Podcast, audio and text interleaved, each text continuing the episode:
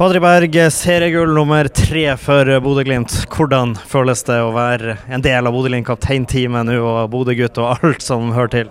Nei, Helt fantastisk. Det er jo selvfølgelig ingen tvil om det. Og så syns jeg det er veldig fortjent at vi står her nå som, som eh, vinner til slutt, etter en, en, sesong der vi har eh, vært stabile og gode, utenom en liten periode der vi ikke var så gode. Men jeg følte vi fikk retta kjapt opp igjen og, og uh, vinner fullt fortjent til slutt.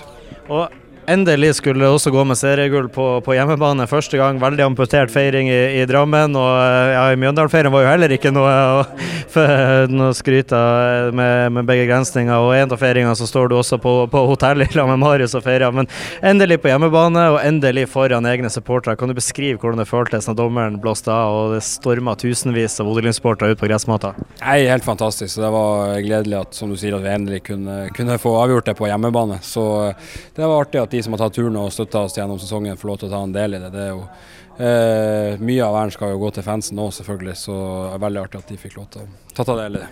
Og så er det jo sånn at eh, Landslagspause, to serierunder for slutt, passer jo egentlig ganske dårlig. Men for, eh, for kanskje med unntak av deg og Fredrik, så passer det veldig, veldig bra for resten av laget nå å få feira helt ut i kveld. Hvordan blir feiringa?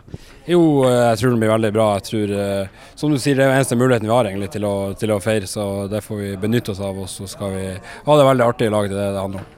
Hvem du spår blir eh, festens konge, og hvem er det som må, må forlate først? da? Ikke fordi at de vil sove tidlig og skal på landslagspause i morgen, men andre grunner? Ja, altså Den som må forlate først, tror jeg er Tobias Gulliksen. Han var allerede ganske godt i gang inne i garderoben der. Og så eh, den som ja, ikke gir seg, så ren, det tror jeg kan Det får stå mellom Kasper Høeg og Runar Espejord. Gratulerer med seriemesterskapet, Patrick. Yes, takk, takk.